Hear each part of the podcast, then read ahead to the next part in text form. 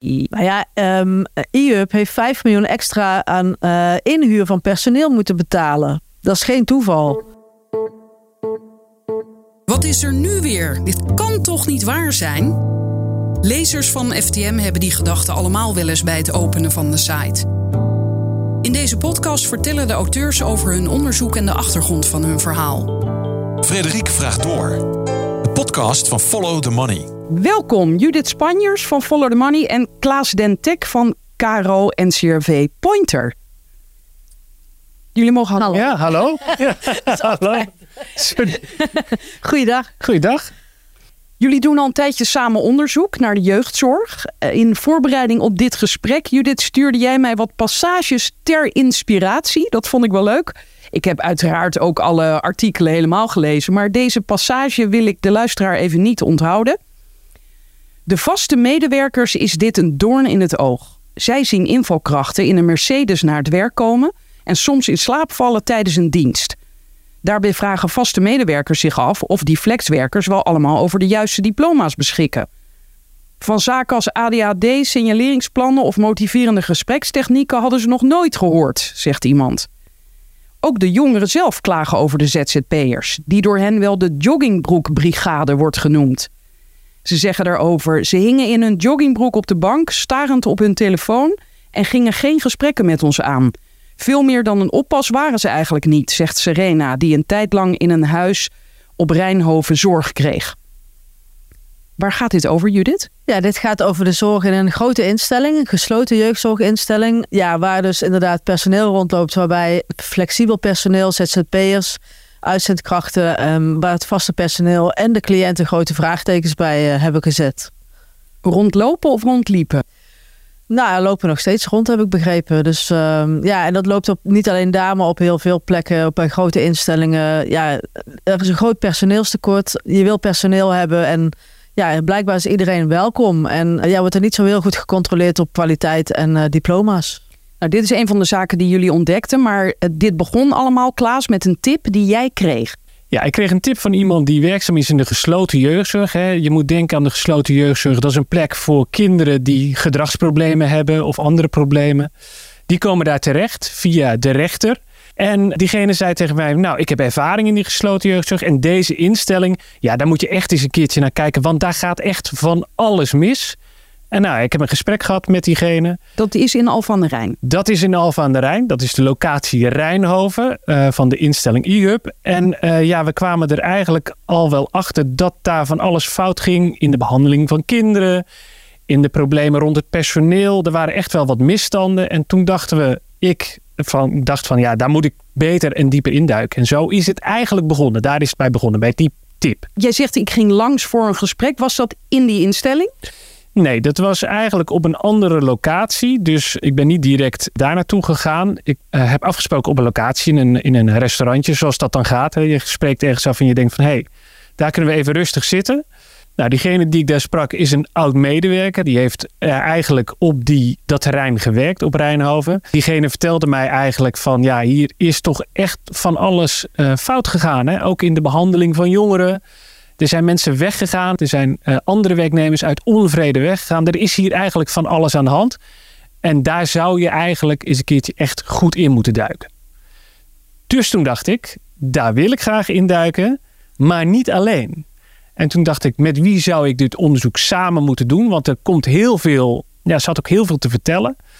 Uh, um, dus toen dacht ik van, nou ja, dan ga ik naar Judith toe. Ik ken Judith goed. En ik weet dat Judith uh, heel veel kennis heeft, veel meer kennis van de financiën van die instellingen. Want dat was ook een belangrijk onderdeel van dit verhaal.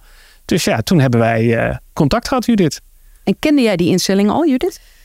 Nee, ik had er wel van gehoord. Want we hebben eerder heeft Follow the Money een uh, artikel geschreven over een andere locatie waar het totaal misging. Dat, daar liep het helemaal uit de hand. Van dit e-hub? Van het e-hub, ja. Dat was locatie Midgaat. En de link met dit onderzoek was dat personeel van de, de locatie waar het dus helemaal misging, naar de nieuwe locatie oh. uh, van Rijnhoven. Waar dus het eigenlijk wel het recept herhaalde, waardoor het weer uh, bergafwaarts ging met de zorg. Nou, je moet het zo zien, kijk, op Rijnhoven was iedereen eigenlijk in eerste instantie heel positief. En dat had te maken met hoe met jongeren daar werd omgegaan. Je moet het zo zien, in de gesloten jeugdzorg worden jongeren soms vastgehouden, tegen de grond gewerkt als ze lastig zijn, opgesloten. En in Rijnhoven dacht men, dat doen we juist niet. We geven ze meer vrijheid, we praten weer met ze. En daardoor was het in Rijnhoven het concept van de gesloten jeugdzorg werd anders.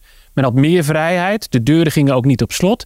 En dat deden die jongeren eigenlijk heel erg goed. Dus en dat dit was sluit een- ook aan, sorry, bij het algemene, de algemene gedachte in Nederland dat we daar met z'n allen naartoe willen. eigenlijk is dit wat het ministerie hè, en de minister, minister wil. Die wil dit concept. Meer vrijheid voor die kinderen. Niet meer zomaar opsluiten. Niet meer zomaar in een isoleerruimte.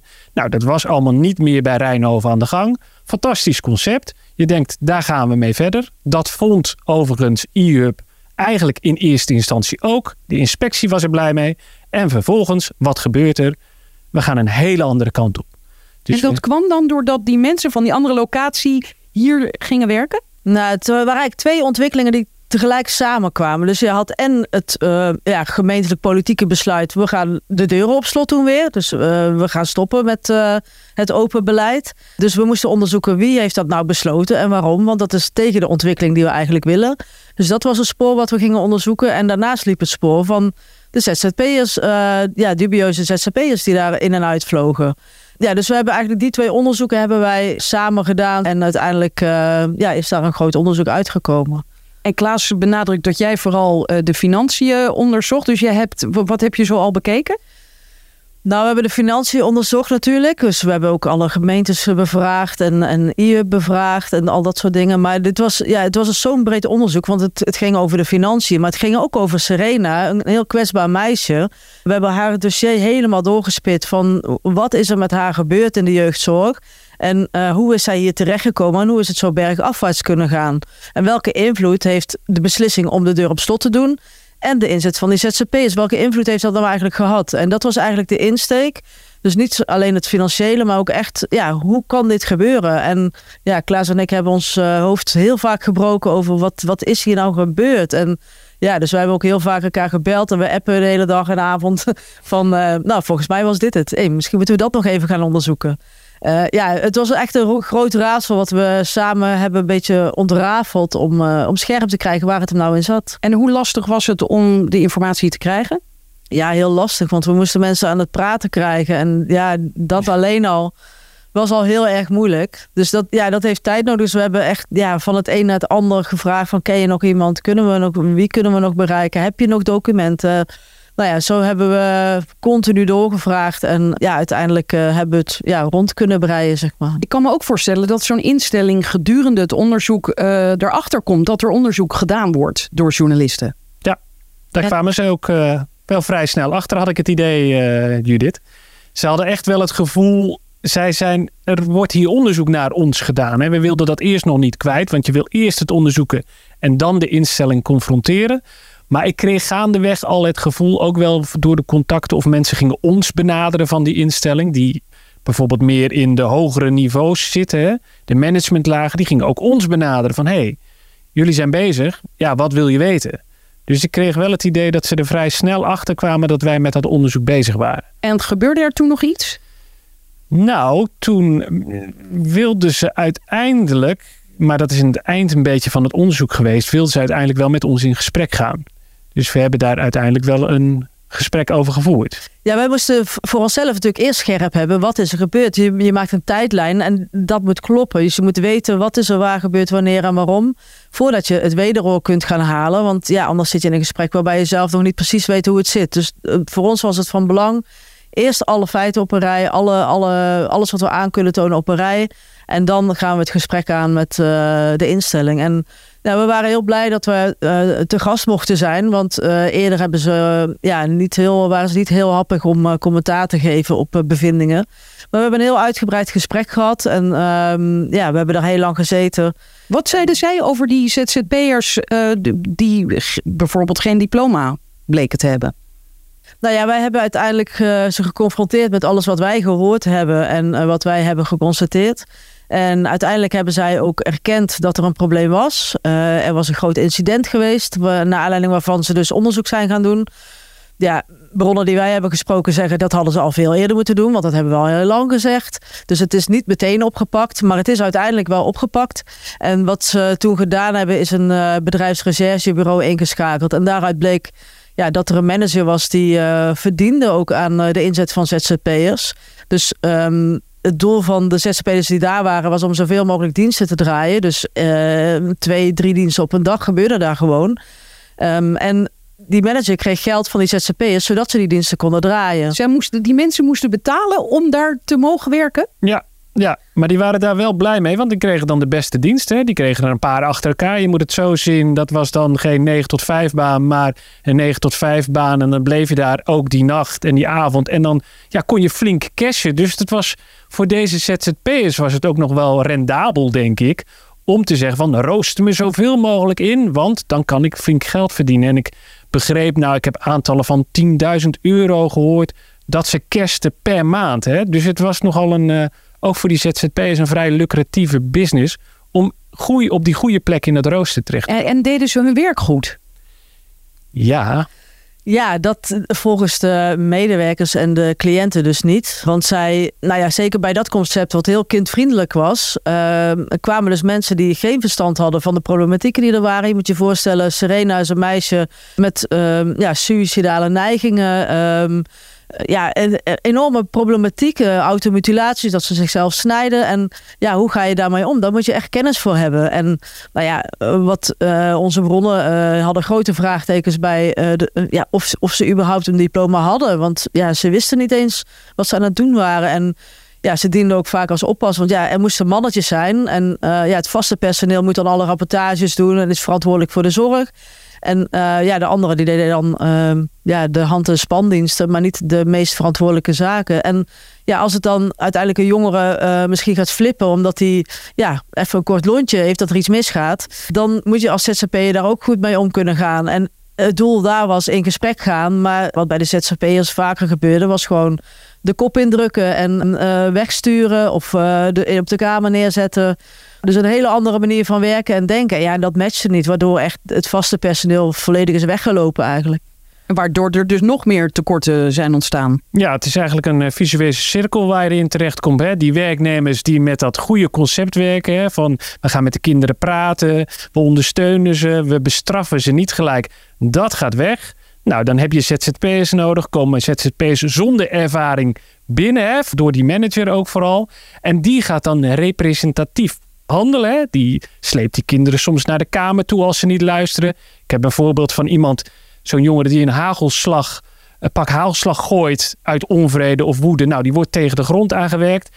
Nou, jongeren worden nog meer opstandig, nog vervelender, vinden nog meer incidenten plaats. Dus ja, dan kom je eigenlijk in een soort van cirkel terecht. En daar kwam het bedrijf, de instelling ook niet echt uit.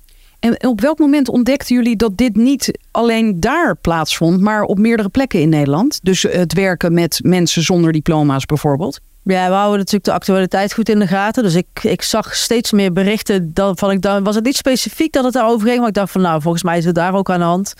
En dan ging ik bellen en dan, eh, ja, soortgelijke verhalen komen er een beetje naar boven. Maar wacht even, ging je bellen van, uh, hallo, werken, werken er bij jullie mensen zonder diploma? Nee, niet met de instellingen zelf, want die zullen dat nooit zeggen. De zorginstellingen staan niet te springen om te praten hierover. Een gevoelig thema.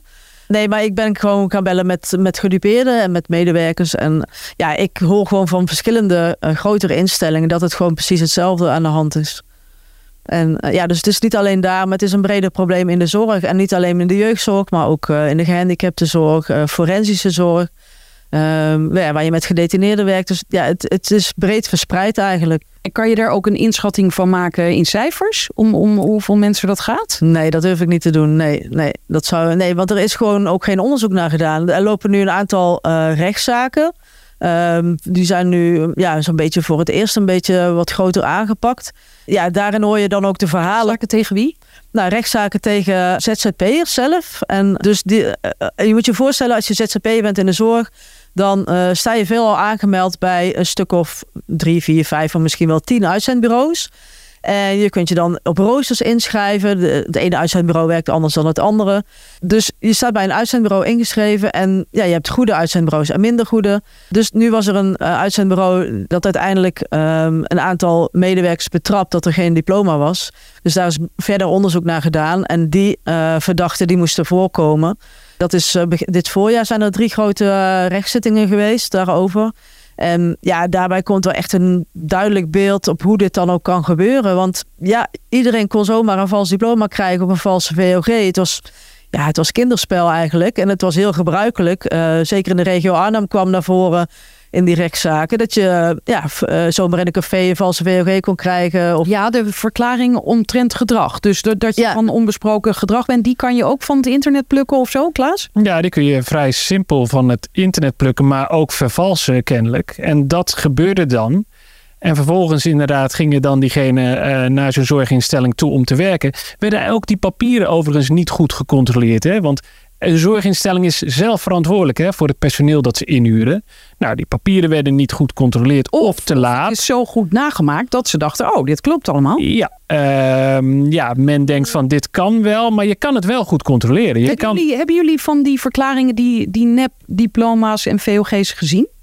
Nee, we hebben niet van deze mensen het gezien. Maar ja, je kunt het in principe kunnen zorginstellingen het heel makkelijk checken bij uh, Duo, waar de diploma's geregistreerd zijn. Maar ja, dat moet je dus wel doen. Bij elke en dat werknemer. niet? Nee, niet, niet consequent. Niet bij elke medewerker, voor elke invalkracht.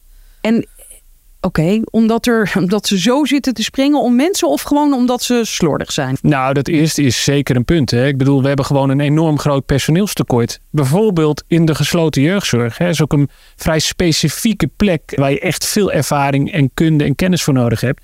Ja, niet iedereen wil daar werken. Nou ja, in andere sectoren zien we het ook terug. Dus ja, mensen zitten wel met hun handen in het haar. Hè. Je moet zo zien van als jij geen personeel hebt of te weinig personeel op zo'n groep van lastige jongeren, ja, dan probeer je ze links en rechts toch ergens vandaan te plukken. Uh, of iemand die bij jou werkt zegt van ik weet nog wel iemand. Nou ja, en dan kan het zomaar gebeuren dat je met iemand zit waar je eigenlijk denkt van ja, die had hier niet horen te zitten. En bij die rechtszaken tegen de medewerkers dus, tegen die ZZP'ers, daar kwamen jullie ook weer erachter dat er nog weer een rechtszaak uh, misschien aankomt tegen die uitzendbureaus. Want die waren kennelijk nog niet in het vizier. Ja, wat het uh, wij allemaal precies in het vizier heeft, weet ik niet. Uh, ik denk nog veel meer. Maar nou ja, wij kwamen er tijdens het uh, onderzoek achter. Nou in die rechtszaak hoorden we een aantal namen. En toen zijn we een beetje onderzoek gaan doen. En ja, toen bleek dat er twee uitzendbureaus, dat daar ook een strafrechtelijk onderzoek naar loopt. En uh, ja, dat moet nog komen. Dus de, uiteindelijk zijn bij die rechtszaken zijn er uh, een aantal veroordeeld. Er was duidelijk van, nou, jullie hebben dit gewoon vervalst. Maar Wat voor soort straffen krijgen ze? Nou ja, een taakstraf van uh, 60 tot 150 uur. Dus ja, dat is voor hun natuurlijk peanuts maar eigenlijk. verbod om, om of tenminste, als je ooit weer in de zorg gaat werken, moet je wel eerst je diploma nee. halen? Of, nee? nee, geen beroepsverbod. En dat was dan ook de reden, was uh, dat de zaak al langer liep. Want het waren zaken uit 2018 en 2019. Dus kun je nagaan, toen was het dus al zo. Vanaf of op de dag van vandaag is het nog steeds zo. Dus al die jaren hebben deze mensen gewoon zonder diploma kunnen werken. En is de controle dus niet op orde geweest. Ja, deze mensen kunnen dus nog steeds in de zorg werken in principe. Um, en je merkt ook uh, dat deze mensen aangaven ook van ja, wij werken ook nog steeds in de zorg. Want ja, inmiddels hebben we een papiertje gehaald. En, oh wel? Ja, want het kan gewoon eigenlijk heel makkelijk om, om een zorgpapiertje te halen. Daar heb je niet zo heel veel meer voor nodig. Je hebt verkorte opleidingen en uiteindelijk zijn er uh, zeker een aantal gewoon weer uh, aan het werk uh, in de zorg. Maar ja, om wat voor mensen gaat het? Het gaat om mensen die bijvoorbeeld voorheen postpakketten hebben bezorgd. En op, van de een op de andere dag daar dachten van... hé, hey, mijn neef of mijn buurman die rijdt een mooie auto. Wat doet hij eigenlijk in de zorg? Oh ja, kom er maar bij. Uh, je mag dat ook wel gewoon gaan doen. Dat regelen we wel voor je. Ja, haar mooie auto. Zo hoog zijn die salarissen toch niet? Nou, als je de heel veel, heel veel werkt en goed in dat rooster staat, ja, dan kun je toch wel met, uh, nou, we hebben wel voorbeelden gezien van die 10.000 euro bijvoorbeeld uh, kun je binnenharken. Dus op zich uh, kan je wel wat verdienen in de zorg. Het is misschien geen vetpot, maar als je er heel veel uren in stopt, ja, dan kan dat wel gewoon. Ja, is wel een- lastig als ik nu zo hoor. Ja, nu hebben die mensen wel een diploma en werken ze weer of nog steeds in de zorg. Dat is ergens ook fijn, want er is zo'n groot personeelstekort. Het is. Het is een hele lastige kwestie, vind ik. En daar, daar zul je eigenlijk nog meer onderzoek naar moeten doen. Maar ja, het zegt wel iets dat je voor fraude en oplichting in de gevangenis hebt gezeten. eh, dat je dan vervolgens. eh, Nou, gevangenis, die zei net ze dat ze een taakstraf kregen. Nee, nou, om het helder te maken. eh, eh, dus uiteindelijk hebben ze een taakstraf gekregen. Een aantal, aantal zijn dus vrijgesproken. Maar waar het om gaat is dat het zo makkelijk is om een diploma te krijgen. Dat, eh, het, ging dus ook om een groep mensen die eerder in een gevangenis hebben gezeten. Oh, Dus ze voorheen hadden ze dat gedaan. Daarna hebben ze besloten om de zorg in te gaan Precies. zonder diploma. een carrière switch. Dus je komt uit de gevangenis, je weet niet wat je moet gaan doen. Dan hoor je van bekenden van, hé, hey, eh, ik zit in de zorg, het verdient lekker. Ehm, wil je ook in de zorg? Nou, kom er maar bij. We regelen een papiertje. Dus het is gewoon zo ontzettend makkelijk om de zorg in te gaan. Ja, en daar is dus ook veel te weinig controle op, waardoor het dus ook kan gebeuren. Ja, een voorbeeld daarvan hebben jullie ook in een van die artikelen beschreven. eh, Van eh, een man die is veroordeeld geweest en in de gevangenis heeft gezeten. als een jihad. eh, ja, hoe noem je dat? Niet verdachte, maar medepleger. Nou ja, wat opviel bij die rechtszaken, er waren twee zittingen. Bij de ene dag kwamen twee broers aan bod, die als enige niet waren verschenen bij de rechtszaak. Eh, dat waren twee broers die, eh, waarvan de ene eh, veroordeeld was voor, ja, als Syriëganger. Dus zij maakte deel uit van een Arnhems jihadnetwerk, ja, waar al veel over geschreven is. En in principe een bekend netwerk inmiddels. En daarvan waren dus twee broers die de ene veroordeeld als Syriëganger, de andere voor terrorismefinanciering, omdat een andere broer ook in Syrië zat. Die is daar uiteindelijk omgekomen. Maar ja, zij hadden toevallig wel een, een eh, zorgdiploma, maar ze hadden geen goede VOG. Maar even, zij zijn veroordeeld en dat was allemaal achter de rug. En toen zijn ze, hebben ze bes- besloten om de zorg in te gaan. Ja, zij hebben een zorgdiploma. En, maar ze hadden dus geen eh, goede VOG. Dus met de valse VOG zijn ze dus eh, verder gegaan. En daarvoor staan ze nu opnieuw terecht dan. En nu zijn ze allebei veroordeeld voor die valse VOG. En wat is daar dan de straf voor? Ja, 120 uur, 150 uur. Taakstraf. En zouden, zouden zij dan ook weer opnieuw kunnen terugkomen in de zorg?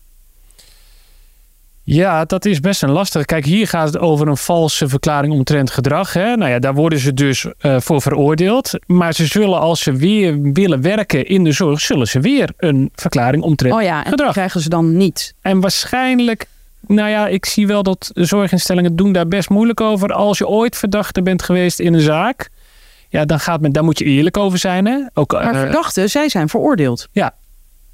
Ja, klopt. Maar ja, uiteindelijk is het dienst Justice in Nederland. En die bepaalt of je wel of geen VOG krijgt. En dat kan per beroep, per eh, sector kan dat weer anders zijn. Dus het is echt persoonlijk wordt dat afgegeven. Dus het is niet echt één lijn in te trekken. Je zou denken ja, dat ze dan voorlopig niet in de zorg kunnen werken. Maar ik heb niet de illusie dat dat zo is. En is het nou zo dat jullie een van die twee broers hebben gesproken? Nee, wij hebben iemand anders uit het eh Arnhemse jihad-netwerk gesproken, tenminste. Een man die ervan verdacht werd dat hij daar lid van was. En die, maar ja, daar heeft het OM een strafrechtelijk onderzoek naar gedaan. Maar die zaak is geseponeerd. Dus hij is officieel geen verdachte meer. Dus dat is niet vastgesteld. Maar dit was de oprichter van een van de zorguitzendbureaus. Die dus nu onderzocht wordt voor valse diploma's en eh, VOG's. eigenlijk kwam er een naam van een van de uitzendbureaus boven tijdens die rechtszaken. Dat ging over Anzorg. Dat is een uitzendbureau in Arnhem.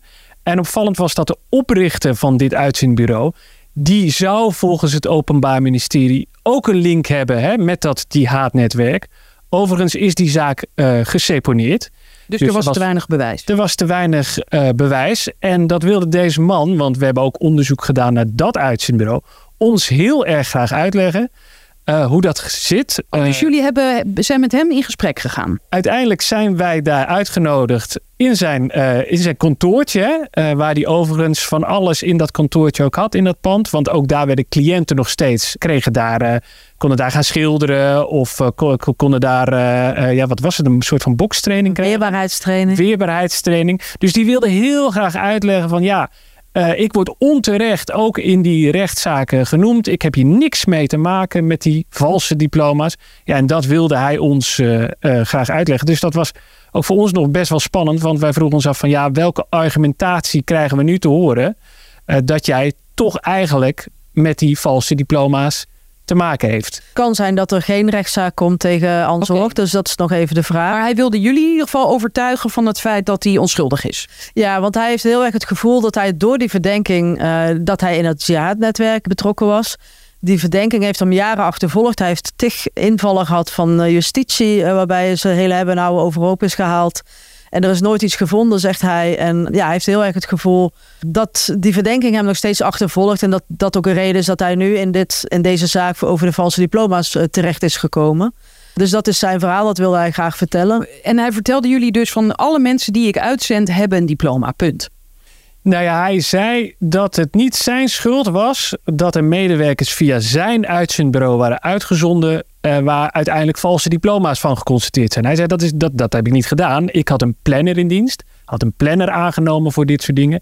En die planner, die is de schuldige. Die heeft medewerkers uiteindelijk uitgezonden met valse diploma's. Dit is dus hij erkent wel dat er inderdaad mensen met valse diploma's gewerkt hebben Ja. in instellingen. Ja, dat zegt hij wel. Alleen hij zegt wel, Ja. dat is niet mijn schuld geweest. Ja. Dat is de schuld van de planner geweest die ik heb aangesteld. En in dit hele verhaal, hè, want, want eh, dit loopt al maanden. Jullie hebben ook meerdere artikelen geschreven. Die zijn zowel bij Follow the Money als bij eh, Pointer op de website verschenen. Jullie zijn er ook in de radio-uitzending geweest.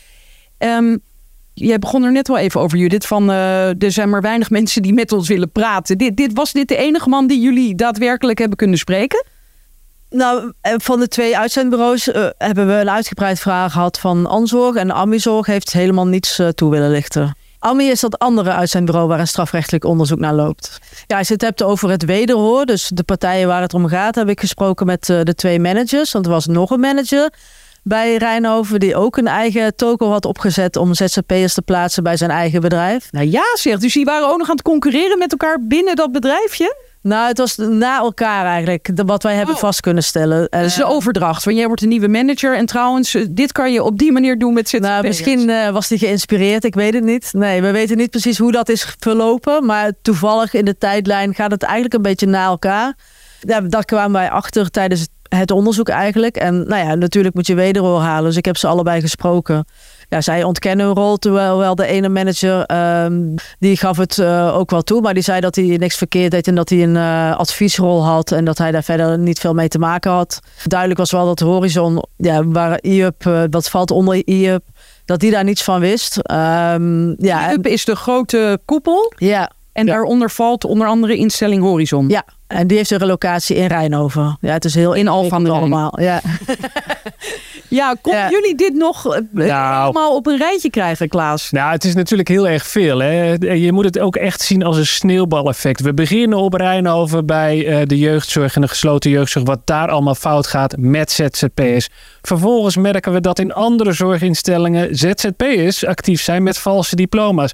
Vervolgens horen we in een rechtszaak dat er een uitzendbureau is dat ook mensen uitzendt met valse diploma's. Ja, eh, hoeveel mensen hebben wij wel niet gesproken voor dit onderzoek? Ongelooflijk veel volgens mij. Dat zijn er echt wel tientallen geweest. Mensen die of werkzaam waren, of ermee te maken hadden, of de oprichter was van een van zo'n eh, uitzendbureau. Dus ja, ik, ik, weet jij hoeveel we er gesproken hebben? Nee, ik heb ze niet geteld, maar echt heel veel. Ja, ook mensen die we niet hebben beschreven, maar wel voor onze eigen achtergrondinformatie. Om te, om te peilen dat wij ook weten van oké, Ja, klopt het ook? klopt hè? het? En ja, en wezen, wezen al die verhalen inderdaad dezelfde kant op? Of werden jullie continu op het verkeerde been gezet?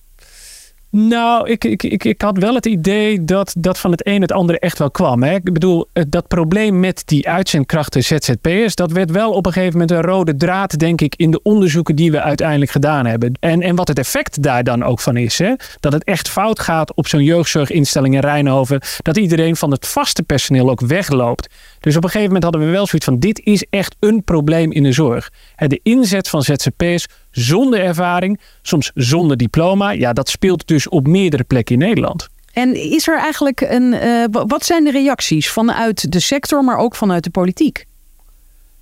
Ja, dat is een goeie. Wij wilden natuurlijk weten. We wilden, wat wij wilden was in gesprek gaan met zorginstellingen. Van goh, dit probleem speelt. Het is een groeiend probleem. Hoe gaan jullie er nu mee om? Hoe kijken jullie hier naar? Waar, waar lopen jullie tegenaan? Nou, het viel ons echt op. Ja, van de 15 instellingen die we hebben benaderd, hebben we denk ik drie gesproken waarvan ja, drie nog niet eens heel erg goed uitgebreid. Want elke grote instelling heeft weer allemaal kleine locaties. Maar de juiste personen hebben we nog niet altijd kunnen spreken. En ja, van een stuk of uh, zeven, tien denk ik, hebben gewoon überhaupt uh, geen gesprek met ons aan willen gaan. Een aantal hebben er nog schriftelijke vragen willen beantwoorden. Van twee hebben we nooit meer iets gehoord. Het is echt een, uh, het lijkt wel een vloek waar je het over hebt. Ze, ze, willen het gewoon niet horen, ze willen het er niet over hebben. Want er zijn kennelijk zoveel problemen dat ze de, ja, nou ja, het niet aankunnen. Als jij zegt van ik heb mensen in dienst die niet geschikt zijn voor dit werk, eigenlijk, want dat moet je gaan erkennen, dan zeg je dus tegen die gezinnen die betrokken zijn bij deze jeugdzorginstellingen, we hebben mensen die werken die jullie eigenlijk niet horen. Dus dat wil je als zorginstelling ook het liefst natuurlijk helemaal niet zeggen. Je wil zeggen van hier gaat het goed, we hebben kwalitatieve mensen die in plaats van je juiste... kind gaat behandeld worden door een voormalige postbode. Bijvoorbeeld. Ja, wie gaat dat zeggen? Nou ja, dat is natuurlijk een groot probleem, maar het speelt wel. En ja, ik denk dat het heel erg belangrijk is. En dat heeft de minister ook duidelijk gezegd. En het OM is daar heel duidelijk over. En de inspectie is er heel duidelijk over. Zorginstellingen, jullie zijn verantwoordelijk, eindverantwoordelijk. Ga dit controleren. Want uit ons onderzoek kwam naar voren dat een aantal instellingen zeggen van ja, we doen steekproeven. Dus met steekproeven kijken we, nou, heeft hij een diploma of niet? Nou ja, daarvan zeggen alle instituties... Dit is argument, want we hebben geen tijd om iedereen uh, te, te checken. het is een werkwijze. Ja, eh, eh, eigenlijk als je erover nadenkt, is het heel logisch dat je iedereen die je binnenhaalt, moet je gewoon checken. Wat, wat haal ik binnen? Want mijn kind of jouw broer of, of je vader kan in die instelling zitten en moet met deze mensen werken. Dat is nogal een verantwoordelijkheid, dus zeker in de gesloten jeugdzorg. En dit kan, eh, dit kan niemand afdwingen. Dat je zegt, het protocol is gewoon dat iedereen die solliciteert, daar controleer je van nou of diegene een diploma heeft. De inspectie, de inspectie is heel duidelijk, jullie moeten dat doen. Maar ja, wat doet de inspectie vervolgens? Ik zeg, ja, maar wat doen jullie dan daaraan? Ja, wij kunnen dan interventies doen. Ik zeg, ja, maar wat doen jullie eraan? Ja, dat is de grote vraag. Dus ik ben heel benieuwd wat de inspectie dan uiteindelijk nu echt aan gaat doen. Want dit speelt al jaren. Is het voor jullie misschien wel frustrerend, Klaas. Dat je zo'n heel, dat je van alles boven tafel haalt, wat heel goed is en heel inzichtelijk. En echt van, oh, hier hebben we echt een probleem te pakken. En dat dan nu althans een beetje het idee is van, ja, of het echt opgelost wordt, dat weet eigenlijk niemand. Nou, wat mij mateloos uh, irriteert eigenlijk ook, en wat we nu onderzocht hebben, is een meisje als Serena, die in die gesloten jeugdzorg terechtkomt en dan eigenlijk te maken krijgt met werknemers die helemaal niet de ervaring en de kunde en de kennis hebben om met haar om te gaan. Terwijl het echt ook anders kan. Hè? Dat heeft Rijnhoven, hè, die locatie waar we geweest zijn, ook wel bewezen. Het kan anders. Ja, want eerst ging het daar dus juist heel goed. En eerst ging het daar. Was Serena daar, woonde zij daar toen ook al? Ja, ze heeft eigenlijk die omslagfase meegemaakt. Dus ze heeft de fase meegemaakt van open deuren. We gaan met jou praten als er iets is en we gaan jou behandelen. Hè? Heeft ze de fase meegemaakt van die fase totdat ze Opeens, opeens waren de deuren dicht of moest zij toestemming vragen om weer naar buiten te mogen. Ja, dat heeft bij haar wel echt wel iets teweeggebracht. Hè? Je zit eerst in een soort van open huis. Ja, dat wordt dan een gesloten huis. Ja, dat, dat heeft haar toch wel iets gedaan. En daarbij denk ik ook, en zeker als ik dat verhaal van haar dan lees... en het dossier hebben we vrij uitvoerig uh, gelezen... dan denk ik van ja, hoe kan dit jongens? Dat, dat vroeg ik mij toen wel af, ja. Hey, en dit, dit gouden duo dat nu tegenover mij staat... Uh, blijft dat nog doorspitten of zeggen jullie van uh, nee, dit was het even met die uh, diploma-verhaal en de VOG's en al die andere verhalen? Ja, ik ben bang dat het verhaal nog niet klaar zal zijn. En um, ja, misschien is het een begin, ik weet het niet. Maar het is wel echt een probleem wat we aan hebben gestipt. Ja, vooral een inkijk hebben gegeven van hoe, hoe gebeurt het. Want het was wel bekend dat er valse diploma's in de zorg waren. Dat was algemeen wel bekend. Maar ook nooit, bijna nooit met name van instellingen hoe dat dan precies werkte. Ja, en nu ja, lijkt het er toch wel op dat het toch wel niet zomaar toevallig is wat er gebeurt. Ik, ik denk echt dat het, dat het echt een probleem is dat de zorg ontwricht. En ten koste van de goede ZZP'ers. Want die zijn er natuurlijk ook. En zij hebben hier ook nadeel van, want zij worden dan wellicht daarop aangekeken of wat dan ook. En minder ingehuurd, wellicht. Omdat ja, wellicht. niet uh, een wit voetje hebben bij die managers met hun eigen business. Ja, nou ja, ik denk dat het belangrijk is om nu ontzettend alert te zijn met wie doen wij zaken en wie laten wij uh, hier zorg verlenen hier binnen. En ja, zoals de inspectie zegt, uh, check gewoon van iedereen een diploma. Want wat er ook gebeurt, is dat idees vervalst worden. Dus dan denk je dat je met iemand tegenover je hebt, maar dat is die helemaal niet. Dat kan een behoren van zus zijn. Dus ook een ID-check, uh, ja, check gewoon alles. En ja, het is jammer dat het zo moet gaan, maar het is wel de praktijk. En nog even het, uh, het financiële aspect. Kost dit ook meer geld dan wanneer het wel goed zou gaan? Nou ja, um, IUP heeft 5 miljoen extra aan uh, inhuur van personeel moeten betalen. Dat is geen toeval. En vooral ook veel op Rijnhoven was daar aan de hand. Ja, als jouw vaste personeel wegloopt, Um, en je moet daar dure ZZP'ers voor inzetten, want je betaalt die ZZP, je betaalt nog een bemiddelingsbureau. Ja, de kosten lopen natuurlijk enorm uit de hand. Uh, en dat is niet alleen bij IUP, dat gebeurt bij heel veel uh, locaties. De inhuur is gewoon, die kosten zijn gewoon heel erg hoog. Dus ja, ik zou zeggen, wees eens lief voor je vaste medewerkers, uh, waardeer ze met wat ze doen en hou ze binnen, want als ze weggaan, je weet niet wat je ervoor terug gaat krijgen. Dank jullie wel. Graag gedaan. Graag gedaan.